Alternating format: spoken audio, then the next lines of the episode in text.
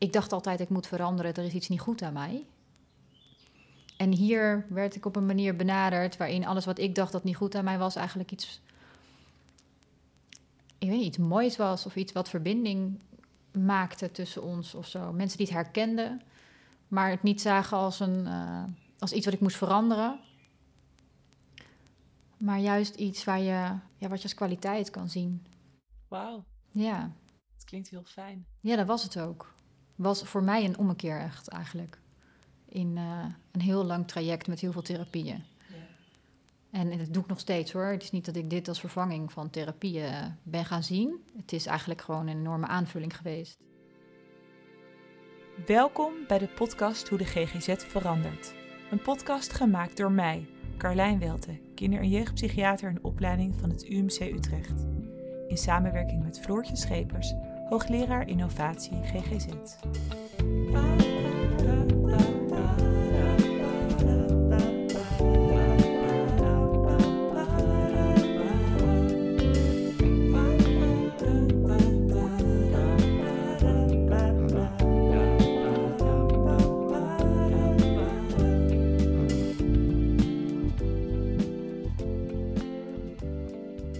In deze aflevering spreken we over peer support, het oude lotgenotencontact.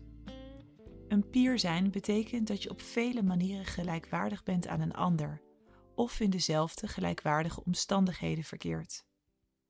Ondersteuning door een peer is niet specifiek iets van de GGZ, maar eeuwen oud en voor een ieder heel herkenbaar. Want wanneer het leven veel van ons vraagt, vinden de meesten van ons het fijn om hierover te praten met iemand die hetzelfde heeft meegemaakt, aan wie je daardoor minder hoeft uit te leggen en ervaringen kan uitwisselen vanuit herkenning. De kracht van peer support krijgt weer meer en meer aandacht en plek in de GGZ.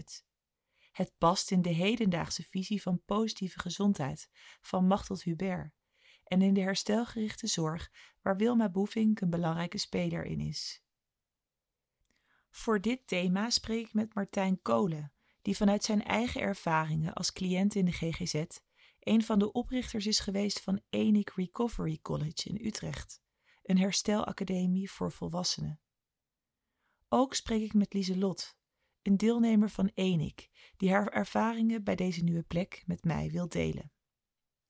Maar eerst vraag ik Floortje Schepers mij te vertellen over peer support en waarom dit tegenwoordig een belangrijk thema van verandering is. Kan jij mij vertellen, wat is peer support? Ja, peer support is ook heel erg in opkomst. Hè? En inderdaad, Martijn Kolen heeft Enik Recovery College opgericht samen met Tom Verspoor. Allebei lang in de psychiatrie gezeten. En ontdekt dat uiteindelijk iets in henzelf kon maken dat ze daar ook weer uit los konden komen. En, en dat iets in henzelf werd geraakt door peers. Mensen die ook in die situatie zaten of, of hadden gezeten. En nou ja, die kennelijk een connectie met ze konden maken die de professionals niet konden maken.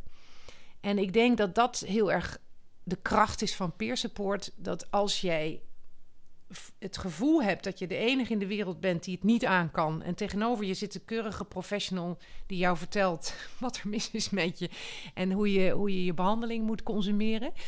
Uh, dat het ontzettend kan helpen om iemand naast je te hebben of in de buurt van je te hebben die in dezelfde situatie zit. Eén, omdat je je dan niet meer zo alleen voelt.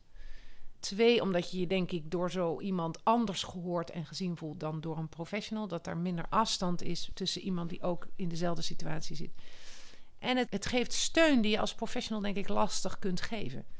En ik vind het altijd ingewikkeld hoor. Wat is nou peer support? Wat is ervaringsdeskundigheid? Dan zou je kunnen zeggen, ja, peer support is meer de mensen die nu ook in de situatie zitten en elkaar daarin ondersteunen en helpen. En ervaringsdeskundigheid, dan heb je dat hele proces van herstel al achter de rug. En dan ben je bijna deskundig in dat herstelproces. En dat ga je dan meegeven aan de mensen die nog wel in die ontregeling vastzitten, zou ik maar zeggen. Nou ja, kan denk ik een beetje door elkaar lopen, peer support, ervaringsdeskundigheid. Maar het inzetten van dat perspectief, hè, van ik, ik weet waar je bent, ik ben er ook geweest of ik ben er ook en wij gaan samen die weg terug wel weer vinden. Dat is denk ik heel krachtig. En ik zou daar zelf ook behoefte aan hebben, bij wijze van spreken. Als je je alleen voelt en, en ontredderd, dan, dan is het fijn om iemand naast je te hebben die, waar je niet aan hoeft uit te leggen hoe het zit of zo. Hè? Nou Martijn, fijn dat we hier kunnen zitten bij Enik Recovery College. Ja. Vandaag gaan we praten over het thema het inzetten en het gebruik maken van lotgenotencontact, zei ik ooit tegen jou. Ja. Maar je verbeterde me al vrij snel. Je zei, laat het over peer support hebben. Ja, ja, ja, ja. Vertel eens, wat is peer support? Nou ja, kijk, peer support gaat eigenlijk heel erg over dat je vanuit onderlinge erkenning en herkenning van elkaars ervaringen snapt waar iemand zit en waar iemand is geweest. En dat peer support eigenlijk een manier is waarop je contact maakt met elkaar daarop. En dat je elkaar kunt steunen, dat je elkaar begrijpt, dat je uh, nieuwsgierig bent naar hoe, hoe, wat, wat voor betekenis bijvoorbeeld het, het, hebben van een psychiatrische ontwrichting, wat dat, wat dat voor betekenis heeft. En, en dat, dat je eigenlijk ook mensen uitnodigt om daarover te gaan praten, om daar zo betekenis aan te geven, om misschien ook wel heel erg gezien te voelen, gehoord te voelen. Nog niet eens zozeer in richting van oplossingen of zo, maar dat contact wat je onderling hebt, waarin die herkenning soms heel diep resoneert, zou ik bijna zeggen. Ja, dat is denk ik wel heel erg uniek aan uh, peersportcontact. Zeg maar. Is dat ook het grote verschil met een contact met een behandelaar? Kijk, als een behandelaar zelf heel veel zelfervaring hebt, zal je zien dat als hij daar ook mee durft, of zij of hij daarmee durft te komen, dat je eenzelfde resonantie hebt. Ik denk dat in het wezen iedereen wel de dingen herkent. Alleen dat het een aparte dimensie heeft wanneer je daar ook zelf geweest bent. En dan gaat het er misschien nog meer over dat je dan een soort spiegel of een voorbeeld bent van hé, hey, maar oké, maar daar kun je dus vandaan komen. Of daar kun je misschien langer uithouden. Daar, daar is misschien hoop. Hè? Dus dat het veel meer is van herkent die ander zich of spiegelt die ander zich in jou? En haalt hij daar iets van een kracht uit of vanuit een, of een openheid om daarover te willen praten? Dus het mooie is dat je steunt vanuit erkenning en er schuilt ook hoop. Ja, nou ja, het herkennen maakt dat iemand zich afvraagt: hé, hey, maar oh, jij bent hier geweest waar ik nu ben. Ja. Uh, jij herkent waar ik zit. Dat je daarmee misschien dingen ook bespreekbaar durft te maken. Of dat je uh, vragen stelt of dat je eigen ervaringen deelt. Dat iemand denkt, oh, maar als jij daar geweest bent waar ik nu ben, misschien kan ik daar ook vandaan. Het, het erkennen dat, dat jij, wie jij bent, dat dat oké is. Want als je lang in de zorg rondloopt, dan denk je op een gegeven moment van ja, ik ben aan van alle kanten, klop ik niet. En dit is de mis met me, dat is de mis met me. En, en ja, wat, wat is mijn plek nou in die samenleving? Wat is mijn plek in dit leven? Wie ben ik nou eigenlijk? Mhm.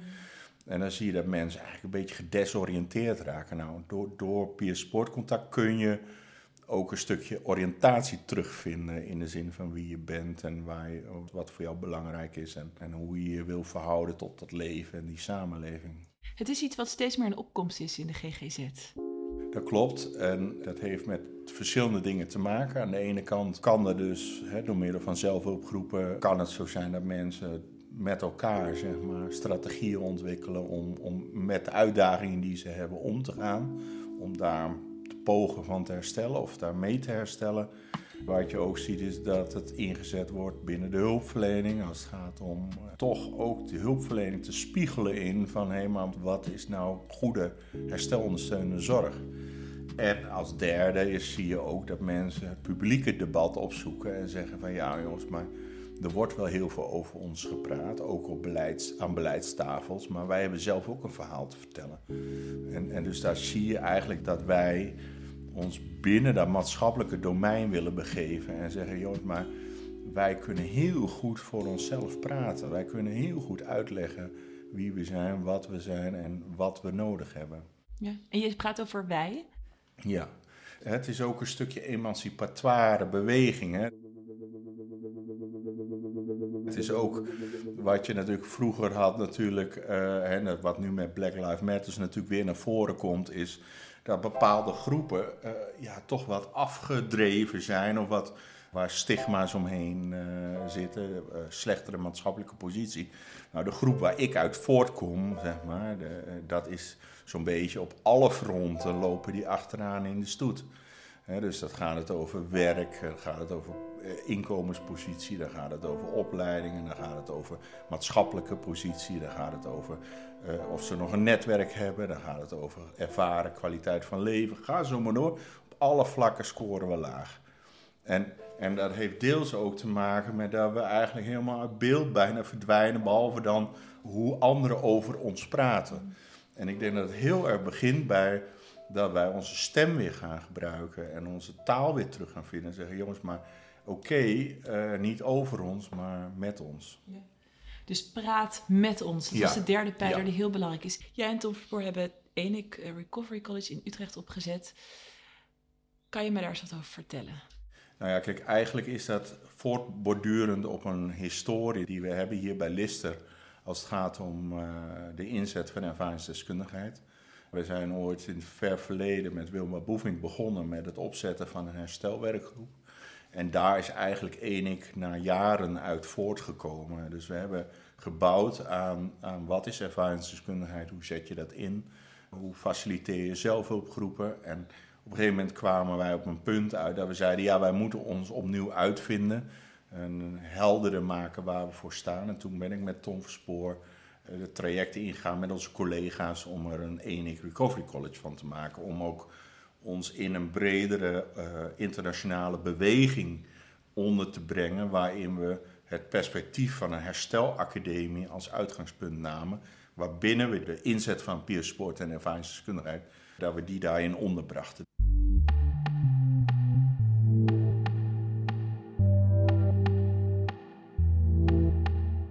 Dus de context is een leeromgeving. Niet zozeer een traditionele leeromgeving waar mensen iets moeten leren, maar een ontwikkelomgeving waar mensen mogen leren en elkaar dingen leren. Dus vanuit die wederkerigheid en die co-productie zie je dat er in alle handen zelfhulpgroepen met allerlei thema's mensen elkaar peersport bieden en geïnspireerd raken door elkaar, maar elkaar ook steunen op moeilijke tijden, in moeilijke tijden. En dus ook als mensen bijvoorbeeld uh, ontwrichten, dan zijn ze hier welkom. En dan uh, kijken we of we er samen een weg uit weten te vinden. Wauw. En dus deze plek, Enik Recovery College, is voor alle mensen die denken dat ze dit nodig hebben? Ja. ja, de deuren staan open. En dat betekent dus dat iedereen welkom is. We hebben wel een extra aandacht voor de groep mensen die uh, heel makkelijk weer vergeten worden. En dan hebben we het over mensen met een forse psychiatrische uh, uitdaging, noem ik het maar. Of met verslavingsproblematiek of iets. Daar zie je dat zijn groepen, nou daar komen we zelf uit voort. Dus we hebben daar een extra aandacht voor. Maar in feite zijn het thema's die ieder, iedere burger in Nederland betreft. En dus iedere burger is dus ook welkom om bij ons dus- deel te nemen aan Peersport zelfhulpgroep. Stel je voor, Jan komt binnen en Jan vindt Enik, lijkt Enik een fijne plek om te zijn. Hoe gaat het dan verder? Nou, in feite hebben we gewoon een online programma. En op dat online programma kunnen mensen zich intekenen.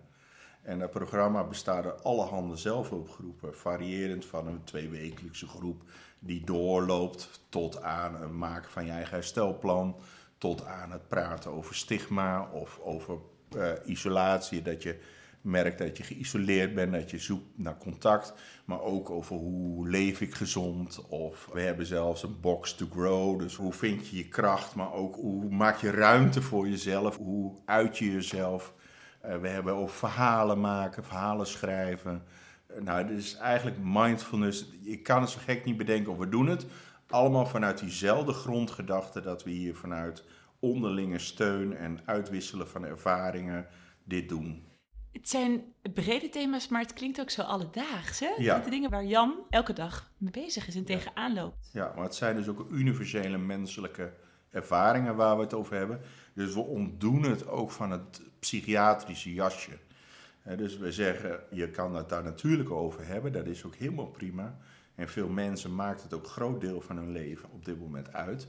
Maar als je binnenstapt, heb je niet het idee dat je in een psychiatrische omgeving bent. En dat vinden wij heel erg belangrijk. Ik denk dat ik het ook wel fijn zou vinden om over al die thema's een keer te praten en zelf na te denken. Je bent van harte welkom ook. Het college-programma, dat zelfhulpprogramma, is voor iedereen toegankelijk. En wij zorgen aan de achterkant wel dat we die financiering krijgen. Vanuit wederkerigheid leren in zelfhulpgroepen, mindfulness, creativiteit. Samen een weg vinden als het moeilijk is. En iedereen die welkom is. Dat klinkt goed. Ik heb het geluk te mogen spreken met Lieselot, die momenteel als deelnemer bij ENIC komt. Lieselot, dus jij, jij komt hier nu ongeveer een jaar bij ENIC Recovery College. Ja. Kan je me vertellen de eerste dag dat je hier was? Hoe was dat voor jou? Wauw. Super spannend. Want ik wist eigenlijk helemaal niet wat ik moest verwachten. Met welke behoeften ging je naar ENIC? Met naar een omgeving toe gaan waar ik mezelf mocht zijn. En kon zijn en kon ontdekken. Vooral. Ik was vanuit Altrecht, waar ik in behandeling was, was ENIC genoemd. En dat ben ik gaan googlen toen. En dat heb ik eerst heel lang naast me neergelegd. Want het leek me niks voor mij. En toen op een gegeven moment kwam er een fotografie-workshop online. En fotografie vond ik leuk en daar wilde ik wat meer mee. En toen dacht ik, ik ga het toch proberen. En toen kwam je hier. De Ja. eerste keer was het spannend. En Ja, nu ben je een jaar de tweede verder. keer ook. En de derde keer ook. En de vierde keer ook. En vandaag ook. ja. En dat, ik blijf het wel spannend vinden. Maar ehm, ik weet wel, ik ben toen de retreat gaan doen uiteindelijk. Eh, de zingevingsretreat in mei vorig jaar. En toen kwam ik in zo'n warm bad terecht. Met mensen die iets in mij zagen wat ik... Ik dacht altijd, ik moet veranderen. Er is iets niet goed aan mij. En hier werd ik op een manier benaderd waarin alles wat ik dacht dat niet goed aan mij was, eigenlijk iets. Ik weet niet, iets moois was of iets wat verbinding maakte tussen ons of zo. Mensen die het herkenden, maar het niet zagen als, een, eh, als iets wat ik moest veranderen. Maar juist iets waar je, ja, wat je als kwaliteit kan zien. Wauw, Ja. het klinkt heel fijn. Ja, dat was het ook. Was voor mij een ommekeer echt eigenlijk. In eh, een heel lang traject met heel veel therapieën. Ja. En dat doe ik nog steeds hoor. Het is niet dat ik dit als vervanging van therapieën eh, ben gaan zien. Het is eigenlijk gewoon een enorme aanvulling geweest. Oh, mooi. Het Ja. zijn twee, twee, misschien wel twee paden die je naast elkaar bewandelt. Mhm. En versterken ze elkaar ook in hun kracht dan? Ik denk dat wat ik hier bij Enik heb geleerd, of nog steeds aan het leren ben, want zover, ik ben er nog lang niet, is dat ik zelf verantwoordelijk ben voor mijn eh, stukje, voor mijn leven, voor mijn herstel, voor mijn genezing, of hoe je het noemen wil. En ik heb dat heel lang altijd in de handen van mijn therapeuten gelegd, dat zij wel wisten wat goed voor me was en dat ik dat moest volgen. En ik ben eigenlijk de ommekeer gaan maken, want mijn therapie sloeg niet heel erg aan. En toen ben ik eigenlijk, nadat ik hier ben geweest, meer gaan kijken, maar wat past wel bij mij en waar kan ik wat mee? En zo heb ik eigenlijk mijn therapie anders aangevlogen. En wat maakt dat dat Enik ervoor heeft gezorgd dat jij meer bij jezelf bent gaan nadenken? Goeie vraag. En die vraag krijg ik heel vaak, want in mijn therapeuten zien het namelijk ook dat dat verschil er ook echt is geweest. Maar ik denk dat de benadering vanuit mensen die ervaring hebben en die gewoon herkennen. Ehm, nou ja, vooral eigenlijk zien mensen die die dingen hebben meegemaakt, die hier werken. En dan vanuit dat eh, stuk wat ze hebben meegemaakt, juist iets daar een positieve draai aan hebben gegeven. En dat inzetten juist om andere mensen te helpen, dat dat dus ook kan. eh, gaf me heel veel hoop dat ik zeg maar ook iets kon ermee. En dat ik dus niet per se 180 graden hoef te veranderen en alles maar anders moet gaan doen. Want dat had ik al twintig jaar geprobeerd en dat werkte gewoon niet.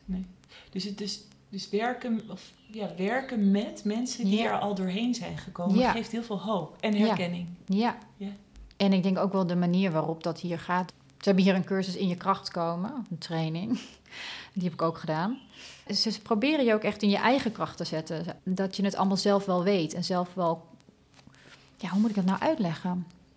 Ze geven het terug de hele tijd aan je, klinkt het. Ja, het is ergens bij mij gaan, is er een klik gekomen, maar ik kan het gewoon, merk ik, niet heel makkelijk in woorden uitleggen. Nou, denk ik, daar heb je helemaal niks aan. Soms is het ook veel complexer dan, Ja. dan heel simpel terug te geven in een paar woorden. Of misschien is het wel het totaal van het geheel hier wat maakt dat het anders voor jou is gaan zijn. Ja. Ja, het is ook wel een combinatie met de omgeving hier en de, men- de mensen die je hier ontmoet, de gesprekken die je hier hebt. Ja. Zo anders dan ik gewend was voorheen. Ja. Is het menselijker hier? Wat is menselijk? Ehm, is het menselijker?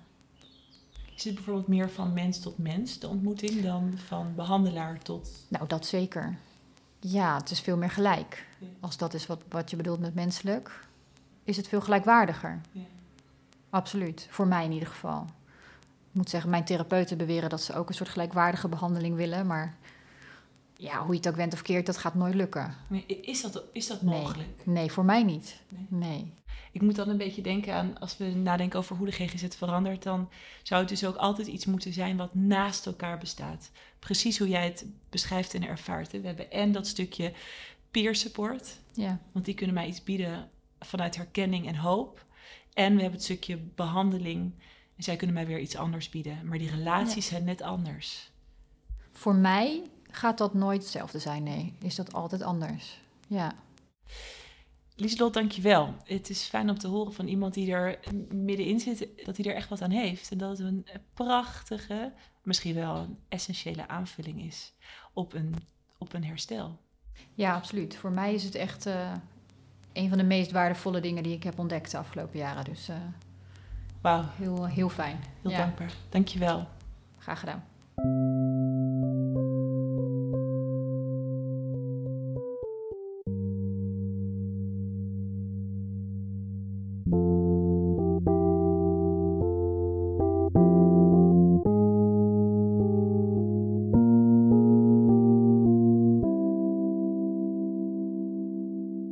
Terug naar Martijn.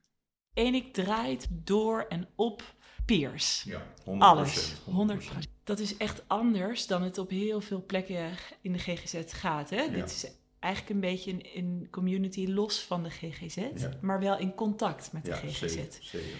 Wat, wat merk je nou na jouw jaren ervaring in de GGZ? Wat doet dit lotgenotencontact, dit peer support nou met Mhm. de mensen die hier komen?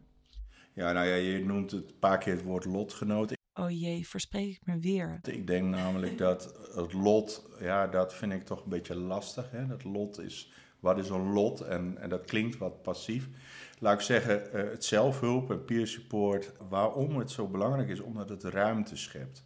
Als je dit goed doet, hè, dus dat betekent ook van hoe je die groepen begeleidt, schept dit ruimte voor mensen om zelf, om zelf betekenis te geven aan wat ze belangrijk vinden. En dat mis ik heel veel in de zorg. Dat het heel erg dichtgedrukt is, dat er hele normatieve kaders in zitten, dat bijvoorbeeld een DSM heel bepalend is, dat de zorgpaden bepalend zijn, dat de duiding vanuit anderen, het zijn naast, het zijn hulpverleners, soms best wel dominant is. Dat ik denk van, hé, maar wacht eens eventjes, hoe denkt iemand er nou zelf over? Dat zelf is een belangrijk verschil.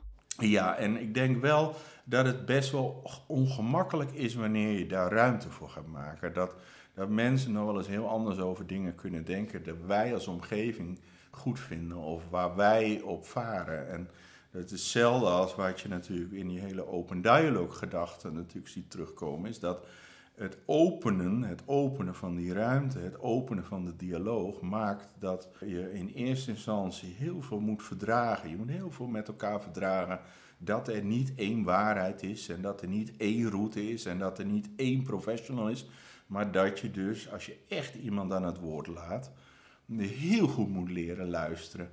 En heel goed je eigen duiding voor jezelf moet houden. Dan mag je wel delen, maar dat is ook wat er in die peersportgroepen gebeurt. Dat er is niet één waarheid. Er is niet één doel. Het gaat erom dat mensen met elkaar dingen uitwisselen en langzaam gaan begrijpen wat voor betekenis bepaalde situaties voor ze hebben. En als ik nu denk een beetje aan mijn, mijn opleiding tot kinder- en jeugdpsychiater, dan is, is dat nu al een belangrijke les voor mij. Hè? Minder duiden, meer aan de patiënt of de persoon zelf vragen. Vanuit de systeemtherapie is het al iets wat ik mijn eigen heb gemaakt. Er is geen één waarheid. En jij noemt nu al heel duidelijk de open dialogue. Ja. Is dat iets waar jullie hier bij Enik ook echt... Nou ja, kijk, in die zelfhulpgroep vindt er eigenlijk een dialoog plaats. Dus eigenlijk die, de waarden passen naadloos op elkaar. Alleen open duidelijk is erg een methode, een manier van werken voor hulpverleners in hele spannende situaties. Dus dat betekent dat als daar crisis is of als er, als, als er in een systeem van alles aan de hand is waar de, de vonken van afspringen, dan kun je als open dialogue team, als dat netwerk dat wil, kun je daar in gaan voegen en de dialoog helpen faciliteren. En wat je heel vaak ziet is, als het heel spannend is, dat het van een dialoog een monoloog wordt. En dat zeg maar degene die het hardst roept, zeg maar de duiding eraan geeft. Maar daaronder vindt eigenlijk alleen maar verwarring. Dus een open dialoog is eigenlijk bedoeld om eigenlijk alle stemmen te laten horen, ook de innerlijke stemmen die mensen hebben, om ruimte te maken voor dat wat zich wil laten horen. En dat wat zich wil laten horen, dat is pas iets wat zich aandient als we daar heel veel rust en tijd en aandacht voor hebben, in plaats van dat we heel erg gericht al heel snel de kern van het verhaal willen weten. Dat is ook iets wat bij hulpverleners past. Zo snel mogelijk een richting geven en de monoloog. Ja, en ik kan dus al gelijk zeggen, vergeet dat. Want het gaat het niet brengen. En dat heb ik nu al door al die jaren wel gemerkt, dat het antwoord zich pas aandient als je daar voldoende de ruimte, maar ook dat je die lang genoeg met elkaar die dialoog durft te voeren. En dus ook lang genoeg de spanning en de, de, het onzekere durft te verdragen.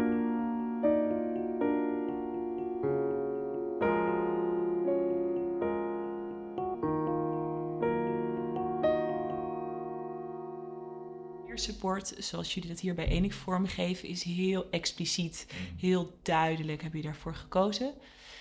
Uh, ik denk nu ook een beetje aan de normale GGZ, hè, de grote GGZ-instellingen, de academie. Als jij nadenkt over peer support en deze plekken, welke stap zouden we kunnen maken in deze instellingen? Nou ja, ik denk dat het heel logisch en vanzelfsprekend moet zijn dat als je met mensen gaat praten over wat ze nodig hebben, dus ook bij het begin van een behandeling, ook in het UMCU, dat er ook vanzelfsprekend ook gesproken wordt dat er een peersportwerker bij is die bijvoorbeeld vertelt dat er van alles te halen is in een herstelacademie als Enik. En zo zijn er velen. Hè? Dus er ontstaan steeds meer herstelacademies. Dus dat vind ik heel belangrijk. En dat in het hele denken over begeleiding en behandeling er breed gekeken wordt en breed beschikbaar gemaakt wordt, dat je mensen ook meer smaken zijn dan alleen wat je vanuit een behandelperspectief wil aanbieden. Dus ik denk dat lang niet altijd het behandeling voorliggend is, maar dat misschien wel iets anders voorliggend kan zijn. Dus dat je het veel meer moet zoeken in de ontwrichting van de context, of de, dat mensen een uh, kwetsbaar zelfbeeld hebben, of dat ze zoekende zijn naar hoe ze, uh, hoe ze aansluiting in die samenleving weten te vinden. Ja, daar is behandeling niet altijd het antwoord op. Dus behandeling is één van de facetten die iemand kunnen helpen, maar ik denk dat als je bij het begin breder kijkt en daarin ook positie voor een herstelacademie uh, inruimt, dan denk ik dat, er, dat, dat je nog wel eens voor verrassingen kan komen te staan. Ik denk even aan, wat is dan behandeling eigenlijk precies? Ja, ik denk dat het heel belangrijk is dat dingen als traumabehandeling beschikbaar zijn. Dat systeemgerichte behandeling heel belangrijk is. En medicamenteuze ondersteuning kan ik me ook nog eh, goed voorstellen. Alleen ik denk dat het in de knel komt als dat het enige perspectief is. En dat je echt breder, breder moet kijken. En dat zie je ook uit alle herstelverhalen, ook internationaal, die opgetekend zijn. Ook die verzameld zijn. Als je daar uithaalt wat werkende bestanddelen zijn, dan zijn het de relaties die mensen hebben in een hoopvolle omgeving. Dat de succes van de behandeling ook voor 75% de relatie is met de therapeut. Maar ook dat ze van betekenis kunnen zijn voor anderen. Religie, zingeving. Bijvoorbeeld die, die laatste wordt ook zo vaak vergeten. Die staat in de top van wat herstelondersteunend is. Is dat mensen religieus, spiritueel geraakt zijn, maar ook daar betekenis uithalen. Ehm, ik heb Jim van Os voor deze podcast ook geïnterviewd. En die zei: Ik hoop dat we in het bio-psychosociale model ook het existentiële gaan toevoegen. Juist. En dat is wat je bedoelt. Ja, daar ben ik hardgrondig mee eens. Ik denk namelijk dat heel veel terugkomt op die existentiële laag. Dat zie je natuurlijk bij die coronacrisis nu ook. Dat eigenlijk als alles wat we denken te kennen en wat we denken dat normaal is, weg is dan zie je in één keer dat we teruggeworpen worden op ons existentiële zelf.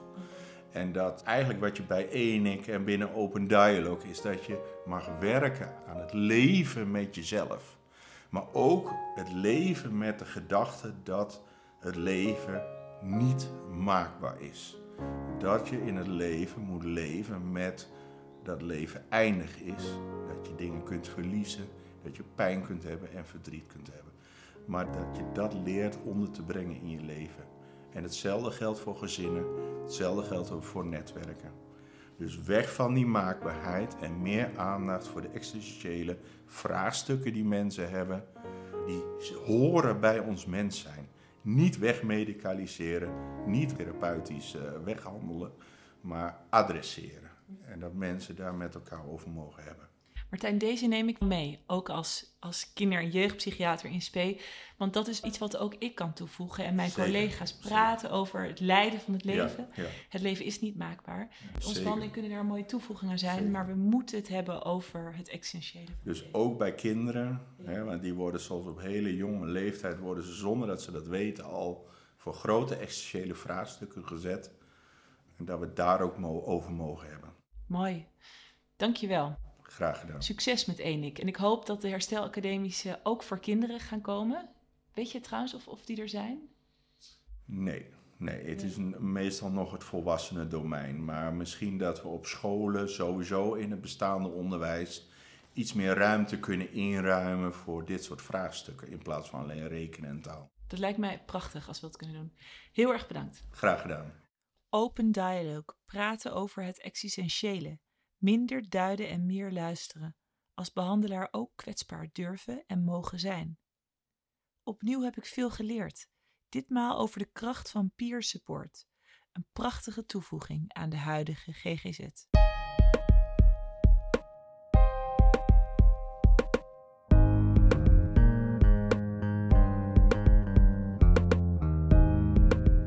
Bedankt voor het luisteren naar deze aflevering van de podcast Hoe de GGZ verandert. Mijn dank gaat uit naar Floortje Schepers van het UMC Utrecht voor het supporten van mijn initiatief en naar Niek Haaien voor de muziek. Wie weet heb je iets gehoord wat je kan meenemen in jouw werk of jouw kijk op psychisch lijden. Tot de volgende keer.